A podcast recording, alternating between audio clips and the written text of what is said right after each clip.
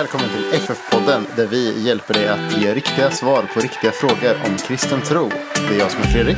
Och jag är Fredrik och eh, vi fortsätter nu vår serie om eh, frågorna från Bjerka. Och vi har kommit in på nu de här frågorna som inte var med i den här frågelådan som vi hade uppe, utan som har kommit in via Instagram eh, under Bjerka. I normala fall så kommer det vara så att vi gör avsnitt ungefär en gång per månad och då tar vi upp en eller kanske två frågor per avsnitt. Eh, men nu har vi den här Bjerka fråge frenzyt liksom. Eh, och vi hoppas att vi ska kunna avsluta det idag. Eh, jag tror att vi sa det sist, men det är en fråga som har kommit in som är lite större som vi kommer göra ett eget avsnitt om. Och den vi- kommer efter det här. Så vi nästan avslutar idag. Ja, men precis, precis. Vi blir nästan, nästan färdiga. Men nu är det i alla fall Bjerka Fråge Frenzy Series eh, Instagram edition. Och vi slänger oss väl rätt in i första frågan.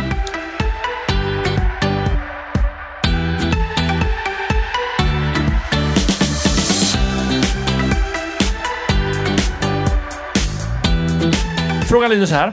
Vad tycker ni om att Gud kan förlåta allt? Ja, jag tycker bra om det. Ja, Eller vad tycker du? Jo, men det, det är ju rätt så, rätt så nice. Eller hur? Men eh, man, kan ju, man kan ju säga lite mer om det. Eh, man kanske kan fråga så här. Vad tänker ni om att Gud kan förlåta allt? Eh, en vanlig fråga som man kan få är ju så här. Om, om Hitler skulle ha bett om förlåtelse innan han dog, skulle han få komma till himlen då? Jag satt precis och tänkte på samma fråga. Mm. Det är ju klassikern. Ja. Vad, vad säger du? Ja, alltså ja. Mm. Skulle jag säga. Mm. För att det är det som det handlar om. Alltså, den här, när Jesus hänger på korset så hänger det en rövare bredvid honom. Och en rövare är ju liksom inte, vi tänker ju liksom rövarna i Bamse. Vi har ju liksom växt upp med det. Ja. Men det, det var ju någon, han hade ju slått ihjäl folk och sådär. Ja. Var ju en riktig rå typ. Mm. Eh, han kanske inte hade haft liksom uppe några gasläger om man säger så. Nej. Men, men eh, ändå, han hade haft ihjäl människor. Mm, Och eh, vi människor har ju väldigt lätt att liksom gradera handlingar och vi delar ofta in handlingar i ja, men den här är dålig men den här är ännu värre och Mm. det här är riktigt illa och det här är bra men det här är ännu bättre och sådär. Eh, och för Gud är det inte riktigt så. Nej. Hur är det för Gud då? Ja. Nej men alltså. Eh, vi har ju pratat förut om vad som är synd. Mm. Och att synd är det som liksom, det här upproret mot Gud. Att vi vill liksom inte riktigt att Gud ska vara Gud. Utan att vi ska vara Gud själva. Och eh, det får till följd att vi gör saker som inte Gud vill att vi ska göra. Just det. Och eh, att vi liksom agerar. Vi sätter oss själva i centrum och det som är mig och mitt. Och eh, vad jag tänker kring bland annat det som eh, hände under andra världskriget var att ett väldigt tydligt uttryck för det. Där man liksom, eh, Tyskland i det här fallet, liksom tänkte att ah, men det som är vårt, eller liksom det är det som är det bästa och allt annat ska raderas ut. Eh, och eh, det är ett tydligt tecken på synd så. Men eh, även om så här, sakerna i sig som gjordes inte går att få ogjorda och de är fel och på alla sätt så är liksom just själva synden, det är det som är liksom pudens kärna om man säger så. Ja, just det. Precis. Jag vet inte om jag var alldeles för skarp. Man vill ju gärna tänka så här.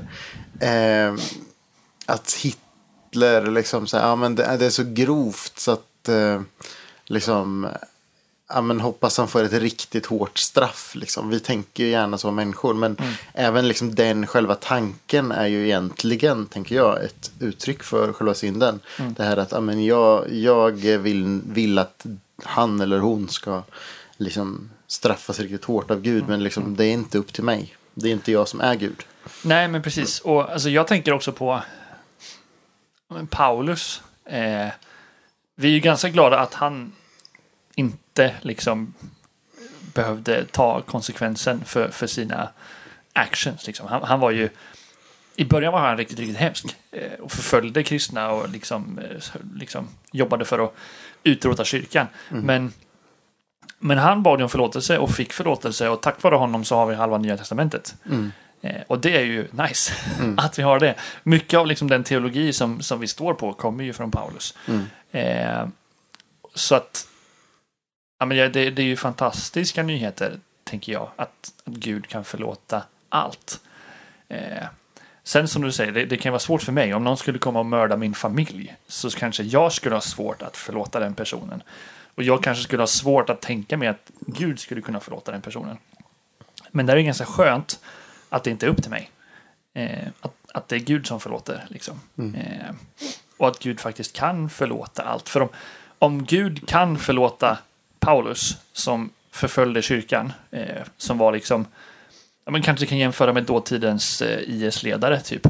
Om Gud kan förlåta honom och om Gud kan förlåta Hitler så innebär det att jag, jag vet ju att ingenting av det som jag har gjort är värre än det som Paulus mm. hade gjort eller det som Hitler har gjort. Mm.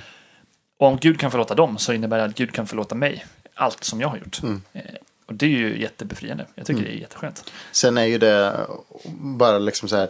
Det är ju. Vi måste ju aktivt komma till Gud med det ja, vi. Visst. Och be om förlåtelse. Precis, precis. Så jag hade en lärare på högstadiet som sa att eh, så här, men kristendomen är skitbra. För i princip kan du leva livet hur som helst och göra precis vad som helst. Och sen så fem sekunder innan du dör så kan du säga Gud förlåt mig och så kommer du till himlen. Funkar det så? Alltså om man har den tanken. Mm. eh, nej. Och det, jag skulle, nej, jag skulle inte säga att det riktigt funkar så. Men på ett plan ja, men på ett plan inte. Mm. Alltså Gud är ju liksom, det, det, det, finns en författare som heter Dietrich Bonhoeffer och han talar om billig nåd. Mm. Eh, som är just det här att liksom så här, ja, men jag kan använda liksom Jesus och korset som en liksom tvätttrasa ungefär. Mm. De liksom säger, ja men nu har jag blivit lite syndig, då tvättar vi bort det. Och sen mm. så fortsätter vi som vanligt och sen så blir vi lite syndiga för det blir, blir vi. Och så, så tvättar vi av oss lite sådär. Och det blir väldigt billigt och väldigt sådär. Alltså, det, min tro måste göra någonting med mig. Det måste liksom hända någonting. Mm. Eh, sen att jag kan ändå misslyckas, det är en helt annan sak. Mm. Men liksom den här strävan efter att ändå bli mer och mer lik Kristus, den kommer av en äkta tro. Mm, eh, tänker jag. Så det måste liksom hända någonting. Så, så om man utstuderar tänker så här, jag väntar in i sista sekund, sen ber jag Jesus förlåt för allting. Mm. Då är det verkligen riktigt äkta då. Ja men exakt, exakt. Och det, det är ju, jag tänker så också att principiellt så funkar det att göra mm. som min, min SO-lärare sa. Eh, att det, det, funkar att be om förlåtelse. Men det hänger på att man faktiskt ber om det på riktigt. Att, ja, precis. Att det är genuint. Ja, exakt. Ja. exakt. Intressant om Bonhoeffer är ju att han, eh, han levde ju under eh, Hitlers styre och blev ja. faktiskt avrättad av nazisterna. Ja.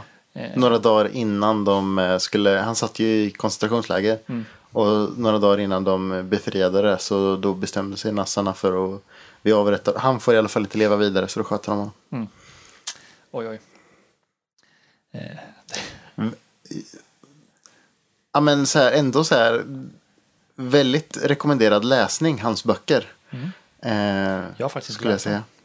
Du, eh, jag, jag har många vänner som har läst dem. Det. Det, känns som att, det. det känns som att jag har läst dem. Ja. men jag har inte. Ja, men det finns mycket och så finns det även eh, brev som han har liksom samlat ihop som han har skrivit liksom under tiden mm. han är, är liksom eh, i, i, i fängelse om man säger. Mm. Och man får se liksom hur han ja, men liksom skriver om sina fångvakter. Han har liksom någon form av... De behandlar ju honom illa liksom. Och ändå har han något form av hjärta för dem. Han ber för dem. Han... Wow. Eh, ja men liksom sådär. Ja. Eh, det är väldigt, väldigt inspirerande skulle jag säga. Mm. Ja men det, det, måste jag, det måste jag läsa. Det måste jag kolla upp. Eh, hur kan man... För att det är ju lätt när man, när man läser om en, en teolog som sitter i koncentrationsläger och pratar om billig och dyr nåd. Liksom. Det, det är lätt att fatta vad, vad han menar. Eh, och det kan ibland också vara lite lätt att få lite dåligt samvete för att jag inte lider lika mycket som honom. Mm. Eh, men, och jag har ibland funderat på det så här, hur mycket, hur mycket måste jag ångra mig rent känslomässigt för att det ska funka? Eh, alltså så här, måste jag, måste jag ligga på knä och gråta och ha pannan i backen när jag ber om förlåtelse för att det ska liksom, eller vad tänker du? Jag höll på att säga, vad tänker du själv? nej, nej, men alltså så här, det viktiga tänker jag är att det är genuint. Sen, alltså känslor kan ligga uppe i skyarna och de kan, det kan vara hit och dit. Mm. Eh, jag tänker inte att känslor ska vara liksom markören för om det är äkta eller inte. Ja, det. Eh, men eh, det kan ju vara en indikation på att det är äkta. Mm. Om man verkligen ångrar sig så känner man det ju oftast. Mm. Men, eh, men det är inte helt... Nej, men jag, jag tänker inte att... Nej, använd inte känslor som en, liksom, som en temperaturmätare på det sättet. Nej, det. Kan jag tycka är lite vagt. Mm. Så. Men liksom, man, man, eh, någonstans vet man ju ändå om, man, om det verkligen är äkta. Att ja, men jag ångrar mig verkligen. Ja, precis. precis. Eh, ja. Ska vi gå på nästa fråga? Ja, det kan vi göra. Ja, då är det din tur.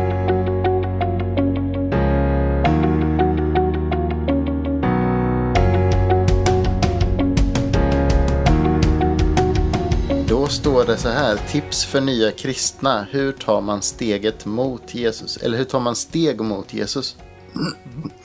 Sen, Det här, det här är lite grann som, eh, har du sett, eh, Liberalerna hade ju en affisch som Ja. hette typ så här, Liberalerna mot extremism. Ja. Eh, och där var någon som påpekade att det var inte korrekt svenska. För att eh, man skulle skriva Liberalerna emot extremism.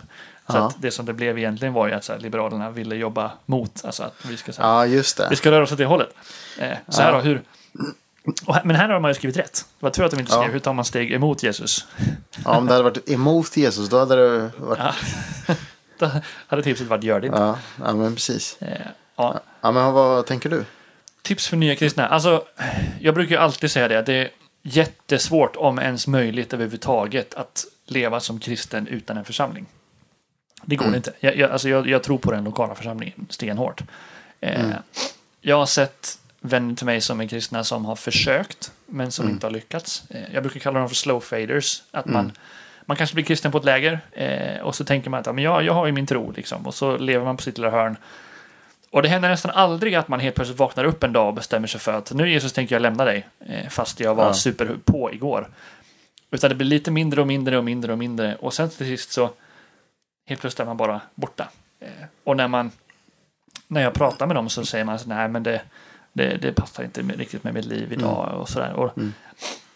Då tycker jag att det är så synd att man inte har haft en tydligare koppling till, till församlingen. Eh, att man inte har kunnat hänga kvar liksom. Mm. Ehm, Så det är, väl, det är väl det första, sök upp en församling och hitta bra kristna vänner som du kan hänga med. Liksom, Mm. Sådana som du kan... För jag tror att vi, vi formas mycket av de vi umgås med. Ja, vi stöttar varandra. Ja, men visst. Precis. Så är det ju. Eh, tips för nya kristna, berätta att du är kristen. Håll det inte hemligt. Mm. Eh, det kan vara skitjobbigt i början Mm. att berätta att man har blivit kristen. Särskilt om du, som jag, inte är uppvuxen i ett kristet hem så kan det bli jättekonstigt. Liksom. Mm. Eh, men ändå berätta det, för att det är lite grann som, i, idag säger man så här, finns inte på Facebook så har det inte hänt. Mm. Eh, och kan, du kanske inte behöver, eller skriv det på Facebook också, det är bra. Men det, det blir mer på riktigt om man, om man säger det. Det gör ju någonting med en att liksom få tal, berätta det. Ja. Ja men Det precis. ju- precis. Ja, men det, det är lite grann som, som så här med, med synd. Om man, om man bekänner synden så har man liksom tagit upp den i ljuset. Och då blir det Mm. mycket, den blir mycket Mm. mer på riktigt då. Eh, så att ber, berätta att du är kristen. Eh, Mm. Det är mitt andra tips. Och sen det som vi brukar säga, läs Bibeln. Mm. Hur tar tänk- man steg mot Jesus? Det är också en grej som jag tror hade hjälpt mig mycket när jag var ungdom. Eh, Jag är fortfarande ungdom i vissas ögon, men Mm. yngre, när, när jag var nykristen, var att inse att det tar ett helt liv, kanske till och med en hel evighet att komma fram. Mm. Eh, Tänk inte att du måste vara liksom så här superpastor efter ett år. Mm. Utan du kanske inte ens måste vara pastor, du kan vara tandläkare eller whatever. Mm. Liksom. Men tänk inte att du måste vara framme direkt. Mm. Utan ett steg framåt varje dag Mm. är bra. Mm, nej, men det är ju en relation tänker jag. Liksom. Och en relation eh, utvecklas ju över tid. Men Mm. man måste ju investera någonting i relationen. Så att be, eh, till exempel en sån här sak som jag tänker är väldigt viktigt. Mm. Att göra det liksom regelbundet. Och sen att inse att liksom ytterst sett så det, ja, vi tar steg mot Jesus. Där vi vill liksom säga, vi investerar i en relation. Vi liksom vill umgås med honom. Vi läser Bibeln. Vi försöker be. Eh, men att också kristen tro handlar ju om att Gud har tagit det yttersta steget mot oss. Mm. Han har ju kommit hit liksom. Mm. Eh, så. Mm. Att, vila lite i det. Men, men fortfarande liksom, ja men, be, umgås med Gud. Eh, hitta kristna vänner.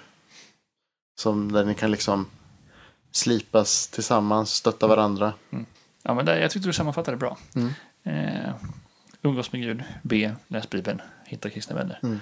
Eh, det är en, en bra start. Liksom. Sen, sen finns det mycket man kan bygga på efter det. Mm. Eh, Men de känns som liksom grund, grundstenarna. Men någonting också jag tänkte på nu precis. Alltså, man tänker också, vi, vi eh, jobbar ju med, med ungdomar liksom. Och eh, många ser oss som ungdomar också. Eh, men faktiskt, alltså även äldre eller sådana som har gått en bit längre. Ja, men liksom våga, våga umgås med dem, våga fråga de som har gått före liksom. För det finns mycket, liksom, mycket vishet och erfarenhet att Ja, men- hämta där. Precis, hitta någon att ta rygg på lite grann. Ja men precis. Ibland så sköter det sig lite naturligt. Mm. Att man, man har en ledare som man ser upp till eller man har en Mm. förälder eller Ja. liksom sådär. Eh, men det kan vara bra. Ib- Ibland kan det till och med vara bra att, att ta det uttalat. Mm. Att, att säga till en person att jag, Mm. jag ser upp till dig, du är min förebild, du, du är min mentor. Liksom. Mm. Eh, och så får man följa den personen. Mm. För då kan ju den personen också veta att okej, men här har jag en som faktiskt tar efter mig. Mm. Och då kan man få lite extra hjälp och stöd i det. För mig kan det ju även vara, alltså så här, det, det kan vara människor som jag har i min närhet. Mm. Men ibland är det ju också, eh, ja men om man tänker så här, författare eller Mm. böcker. Mm. Alltså, att liksom, det, det finns en hel del, liksom, kristen tro har funnits i 2000 år. Så det finns en hel del erfarenhet och det, det jag går igenom som jag kanske tycker är svårt, det har ju någon annan förmodligen gått igenom också. Ja, precis, precis. Exakt. Det är också en superbra grej. Du är inte först. Mm. Eh, alltså, det du brottas med har någon förmodligen brottats med innan. Mm. Eh, de, de synder du brottas med har Mm. förmodligen någon brottats med innan. Mm. Liksom. Eh, det gäller lite åt andra hållet också. Eh, att så här, och det kan vara lite jobbigt för oss som skriver undervisning och sånt där. Att alla Mm. mina bra teologiska idéer har någon förhoppningsvis redan tänkt innan. För om ingen har tänkt innan så är det förmodligen inte rätt. Lite så. ja. Men jag tyckte det var lite så befriande när jag läste på universitetet. Och sen så läste jag en bok av Augustinus som är en gammal kyrkofader. Liksom. Och då, innan man skulle läsa den, den heter Bekännelser. Liksom. Mm. Så tänkte jag så här, ja nu, det här kommer ju bli tungt. Liksom. Eh, och sen är det i princip hans vittnesbörd. Liksom. Mm, mm. Han berättar liksom, så här kom jag till tro och så här var det innan och det här skäms jag för. Och lite så här. Och han var väldigt, mänsklig. Mm. Och jag kände igen mig en hel del i hans eh, grejer som han ojade sig mycket för. Eh, så det var liksom så här, oj, jag är inte ensam. Eller liksom så här, det var en snubbe för eh, 1600 år sedan som Ja, ja. kände lite som jag känner nu. ja, men eller hur. Jag, jag tycker det är så häftigt när det blir sådär mänskligt och liksom verklighetskopplat. Mm. För vi kan ju lätt tänka, många av de här riktigt gamla snubbarna, eh, eller gamla för att, som att de levde för länge sedan, eh, de har ju namn som inte låter som namnen vi har idag. Mm. Eh, utan det är ju så här Augustinus och sådana liksom, Ja. väldigt antika namn som låter som någon sorts sagofigurer. Ja, man tänker en gubbe med skägg liksom. Ja, men precis, precis. Men jag tycker det är så häftigt när man kan se. Vi hade, när jag, när jag pluggade, en bok som var skriven av en lärjunge till aposteln Johannes. Mm. Eh, och så här, man vet att från den personen så var, finns det liksom en ordning sen ända fram till idag. Eh, man vet att han har funnits och när och, liksom så här, och det, det finns skrifter bevarade. Mm. Och då blev det helt plötsligt så här verklighetskoppling till Bibeln. Okej, den här personen kände Johannes på riktigt. Mm. Eh, Fy vad coolt liksom. Ja. Eh, och sen så, en annan sån där grej. Jag var på ett museum för ett tag sedan. Eh, där de hade verktyg. Långt tillbaka i tiden, ända tillbaka till stenåldern. Liksom. Mm. Eh, och då kom jag på att, så här, men undrar hur länge sedan det var Moses levde och Abraham. Och så, så här, kollade jag upp det och räknade lite grann. Och då kunde jag gå längs den här tidslinjen som de här verktygen var. Och se att, okej, här finns en liten stenyxa som användes vid samma tid som, som Abraham fanns. Eh, Mm. det var svincoolt alltså. Eh, Mm. För då var det också, det, det låter kanske lite nördigt att jag blev exalterad av en liten stenbit. Men, ja, men alltså jag känner ju igen mig i den här. Men det kanske bara är för att vi är... ja, men det, det kan vara så. Det kan vara så. Men att det blev så här, okej. här har vi någonting som jag kan se. Ja. Som är från den tiden. Ja. Som inte bara är en saga. Liksom. Eh, visste du för övrigt att eh, världens äldsta trädrotsystem finns i Sverige? Nej, Dalarna. det visste jag inte. Eh, och det rotsystemet fanns när Moses fanns. Det är lite coolt. Det är väldigt coolt. Mm. Själva trädet som står idag är ju inte så gammalt, utan det är, det är rotsystemet som det är byggt på. Ja, just det. det är jätte, jättegammalt. Men det är ändå rätt fränt. Det, är bara att, eh, det var lite sidospår. Eh, Mm. Men eh, ska vi samar sam samarbeta, sammanfatta då? Vad är Mm. tipsen? Umgås med Gud. Mm. Be och läs Bibeln, Mm. som är att umgås med Gud. Ja. Eh, umgås med andra kristna, hitta en Ja. församling. Ja. Eh, ta rygg på någon. Och ha inte för bråttom. Ja lite så.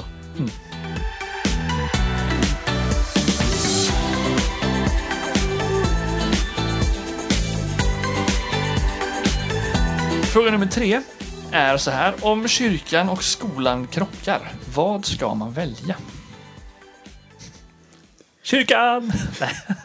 Nej, det här är ju en, eh, det här är ju en bökig fråga. Alltså, jag, jag har fått uppfattningen om att det, det är mycket svårare och mer att göra i skolan idag än när jag Mm. gick i skolan. Ja, det är mitt intryck med. Ja, för mig var inte det här ett jättestort problem faktiskt. Mm. Jag kunde vara, när jag var tonåring så var jag i kyrkan fem dagar i veckan ibland. Eh, och det gick liksom bra. Sen hade jag ju i och för sig inte MVG i alla ämnen heller, men, Mm. men ändå. Eh, men hur ska man tänka? När, man kan ju bredda det här lite grann också. När, när, när kyrkan krockar med andra ansvarsområden. Eh, det kan vara familj eller jobb eller Mm. Eh, så. Liksom, hur, hur ska man tänka? Ja, nu jobbar jag i och för sig i kyrkan så Ja, jo, det blir ju lite si och så. Men jo, men alltså jag tänker lite så här.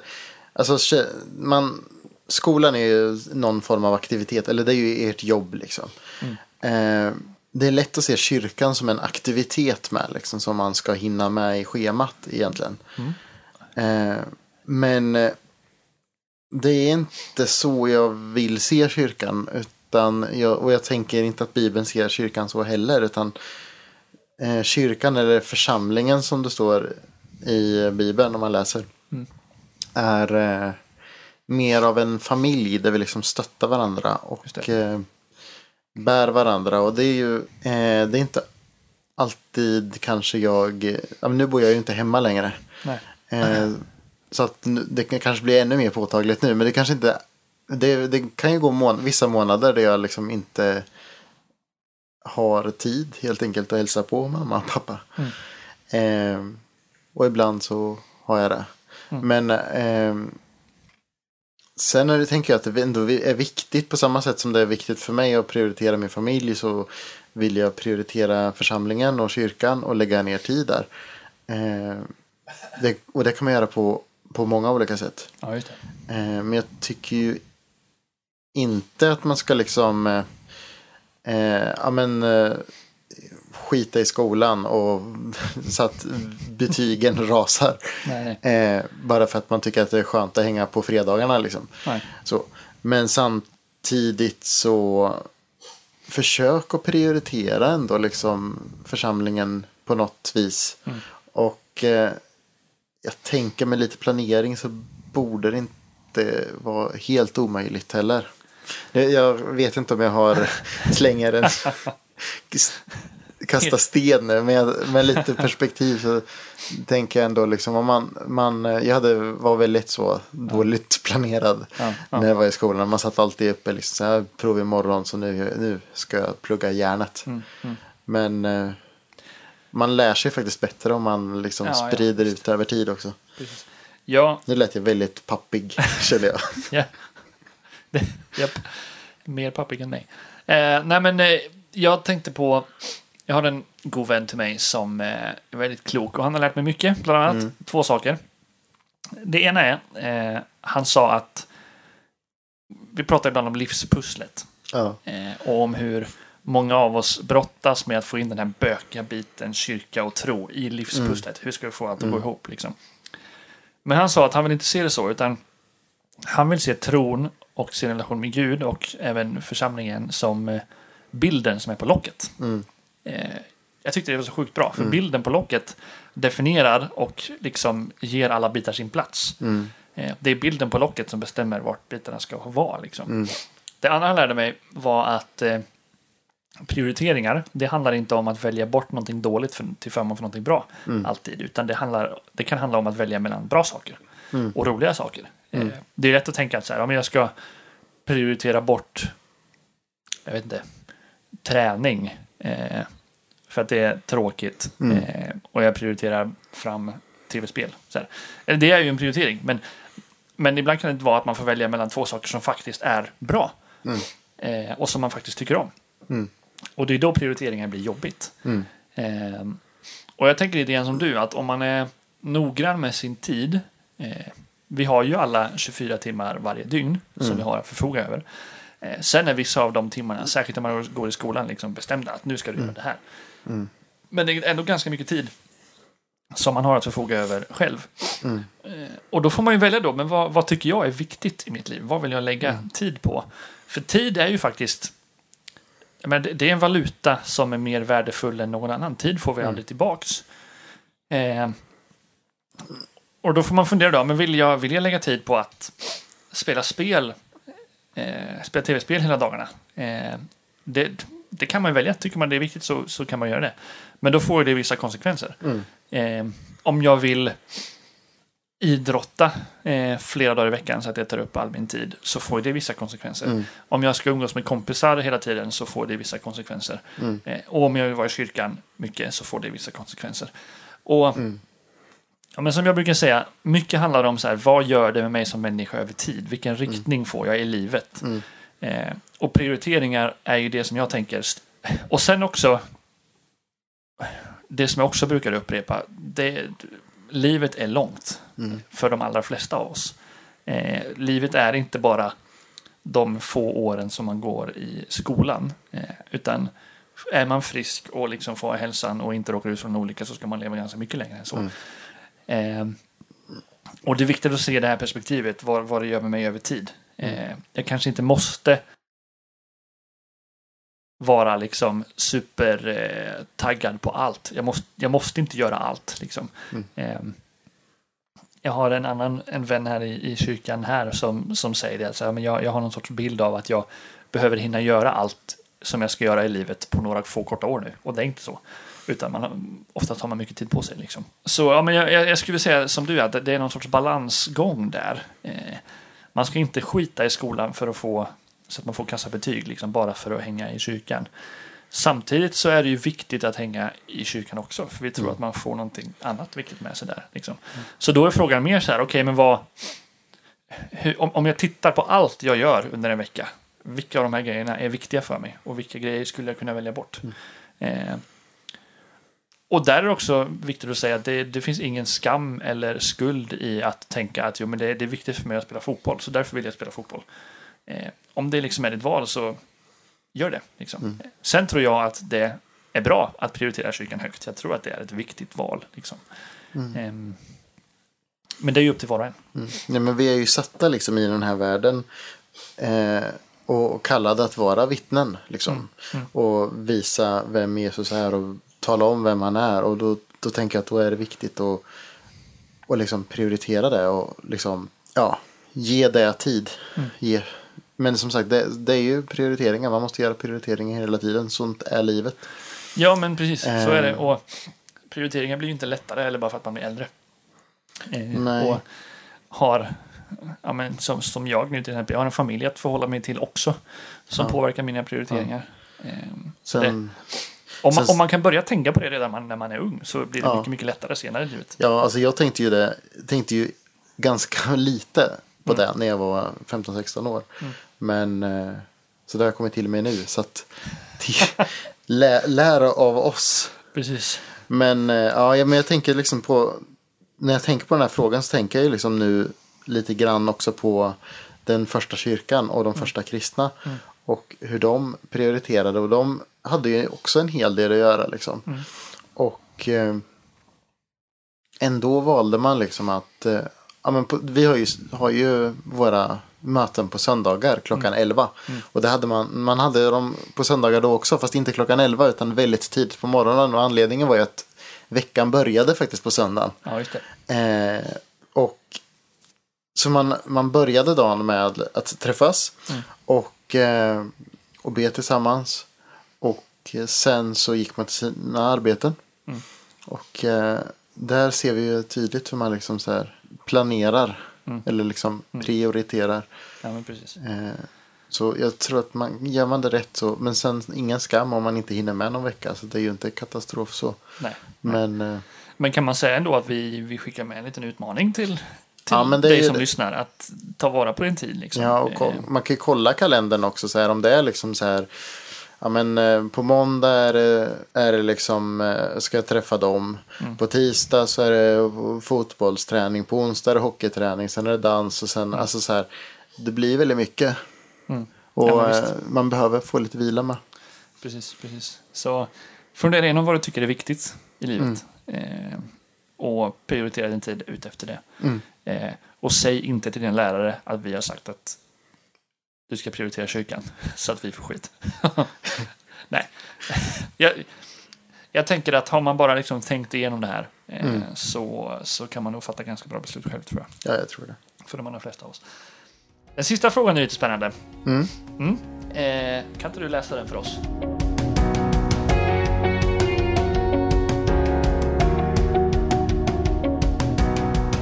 Kommer rymden fortfarande finnas kvar efter domedagen? Eller hur? Ehm, Kommer rymden fortfarande finnas kvar efter domedagen? Visst står det i Bibeln va, att det ska komma och det ska skapas en ny himmel och en ny jord. Ja. Då är frågan vad vi lägger i ordet rymden och vad vi lägger i ordet himlen. Mm. Eh, är himlen liksom rymden, som vi tänker här? Eller är himlen någon sorts andlig tillvaro där Gud är? Eh, och vad menas när man, när, när man säger jord? Är det liksom jorden som våran planet jorden? Mm. Eller är det jorden som universum, våran skapelse? Eh, på den tiden när Bibeln skrevs så visste man ju inte så mycket om man visste inte lika mycket om universum som man vet idag. Eh, sen finns Nej. det liksom bibeltexter som, som vittnar om planeter och stjärnor och sådär. Men man hade inte samma förståelse av vad det var som, Ja. som idag. Liksom. Så, ja men vad, vad ska vi säga? Tror du, tror du att eh, rymden kommer finnas kvar efter domedagen? Rymden kommer finnas kvar efter domedagen. Ja. Jag vet faktiskt inte. Nej? Och jag vet inte om jag måste veta det heller. Nej? Men eh, jag tänker väl mig ett kanske på något sätt. Alltså det beror helt på hur den här nya skapelsen är. Ja, är alltså den en liksom kopia av den här skapelsen fast utan synd? Eller är det någonting helt annat? Bibeln talar inte så jättemycket om det. Nej, Om man visst är det vara- frustrerande. Eh, Det enda Bibeln säger typ om himlen ja, är att det inte kommer finnas några tårar och att man inte kommer vara gift. För mig som är gift är inte det så himla tillfredsställande svar. Jag vill veta mer. Men jag antar Ja. att kombinationen funkar. Eh, det kommer bli bra på något sätt. ja. Eh, eh, så ja, men det, det var ett ganska bra svar att jag, jag vet inte och jag kanske inte måste veta. Nej. Eh, jag, jag kommer att tänka på, nu, nu skickar jag in en egen fråga här. Mm. Men jag såg, eh, jag, jag såg ett sån här TED-talk, vet du vad det är? Ja, ja, ja. Ja, eh, ni som inte vet det, det är, det är smarta människor som kan massa saker om ett visst ämne och så pratar de om det. Eh, så. Och där var den som pratade om så här, varför, varför har ingen kontaktat oss från rymden än? Eh, och det var superintressant, för rent statistiskt sett så borde det finnas någon som lever på en annan planet någonstans. För det finns så sjukt många planeter och så sjukt många solsystem. Så Mm. det, det är liksom mer statistiskt osannolikt att vi är de enda som finns Mm. eh, än att det skulle finnas någon annan. Liksom. Sen är det fortfarande väldigt låg sannolikhet att en civilisation som ser ut ungefär som våran kommunicerar på ungefär samma sätt som oss och har kommit ungefär lika långt i utvecklingen så att man kan kontakta varandra. Den, liksom, den är ganska liten. Mm. Men den här frågan då. Vad... Eh, om rymden Alltså, finns kvar och ja. om det finns någon annan som lever på en annan planet. Hur, hur tolkar vi det? Finns det rymdvarelser? Jag tror faktiskt inte det. Nej. Där är det också en sån där grej som Bibeln säger ju ingenting om det. Nej. Eh, Bibeln pratar bara, alltså Bibeln rör, berör bara den här skapelsen. Ja. Eller vår, våran planet liksom. Alltså så här, jag skulle inte... I rymdvarelser då tänker jag liksom marsianer eller så som vi, aliens. Jag vet Ja. inte om det är där du syftar på. Jag tänker någon Om man form skulle, av om livsform. man skulle någon hitta annan någon bakterie på någon planet någon annanstans. Det, det har jag väl inga problem så med. Men något, något liknande oss Mm. har jag svårt att se att det finns något mer. Och där, Speciellt hur, hur liksom Bibeln beskriver oss som sin avbild. ja just det. Just Eller. Guds avbild. Men ja, precis, den, den slutsatsen kanske man kan dra. Att de enda som finns som är Guds avbild är de som existerar på jorden. Mm. Som vi kallar för människor. Mm. Eh, precis. Det var, det var en bonusfråga. Mm. Eh, och, nu har vi svarat på alla frågor utom en från Bjerka. Ja, Ska vi säga vad det är för fråga eller ska vi hålla på det? Jag tänker nästan vi ska hålla på det va? vi håller på det här. Ja. Det får bli en sån här cliffhanger. Det får bli en cliffhanger. Hur Du som har skrivit varit? frågan och tänker varför har de inte svarat på min fråga? Du vet säkert. Ja. Eh, men alla andra, det blir en cliffhanger för er. Eh, den kanske kommer nästa vecka, den kanske kommer senare. Troligtvis lite senare kanske. Ja, jag skulle nog säga lite senare. Ja, det är en Vi bökig kommer få fråga. behöva tid att spela in också. Ja, men exakt, exakt. Och sen efter det här så kommer avsnitten komma ut ungefär en gång per månad, är tanken. Mm. Eh, så håll utkik. Eh, Och skicka in frågor. ja, men precis. Nu har vi faktiskt, vi har faktiskt bara en inskickad fråga, förutom den här mastodontfrågan då. Ja. Så om ni vill ha fler än två avsnitt till så är det bara att skicka. Annars får ni stå ut med våra bökiga teologiska funderingar. Och det kan bli precis hur som helst. Det kan Var- bli vilken konstig fråga som helst då. Ja, men eller hur, eller hur. Men eh, du, vart skickar man frågor då? Vart man skickar frågor? Ja, till exempel så kan man skicka in dem på Instagram. Mm. Det är ett väldigt smidigt sätt. Och hur hittar man oss på Instagram? På Instagram då söker man på ett, at FF-podden. Jajamän, precis. Eller man kan kanske skriva in FF-podden bara, jag vet inte. Ja, jag tror det. Det borde gå. Eh, om Det du... enklaste sättet. Vi finns på Facebook med. Vi Där kan man skicka in eh, frågor. Precis. Och sen eh, kan man ju skicka till mail också. Vi Exakt. har ju en eh, hemsida, ffpodden. eh, Ja, vad blir det? Ja, den är bökig. Ja. ffpodden.wixsite Så är det. snedstreck fram, framåt snedstreck podcast. Ja. Eh, men vi har en mailadress som är lite Ja. lättare. ffpodden at gmail.com. Det är ju enklaste är ju att söka upp oss i sociala medier. Då är det ju bara att söka Ja. att FF-podden liksom. Exakt, Så finns vi exakt. där. Eller om man vill skicka till våra mailadresser, jobbmailadresser. Går ju också bra. Ja, det kan man göra. Vad är din Ja. jobbmailadress? Min är fredrik at norrkopingpingst.se. Och min är fredrik.elm at pingstlindkoping.se. Eh, det här var i alla fall FF-podden. Nu är vi klara med Bjerka-frågorna. Yes. Och eh, jag heter Fredrik. Jag heter Fredrik. Vi hörs nästa gång. Hej då.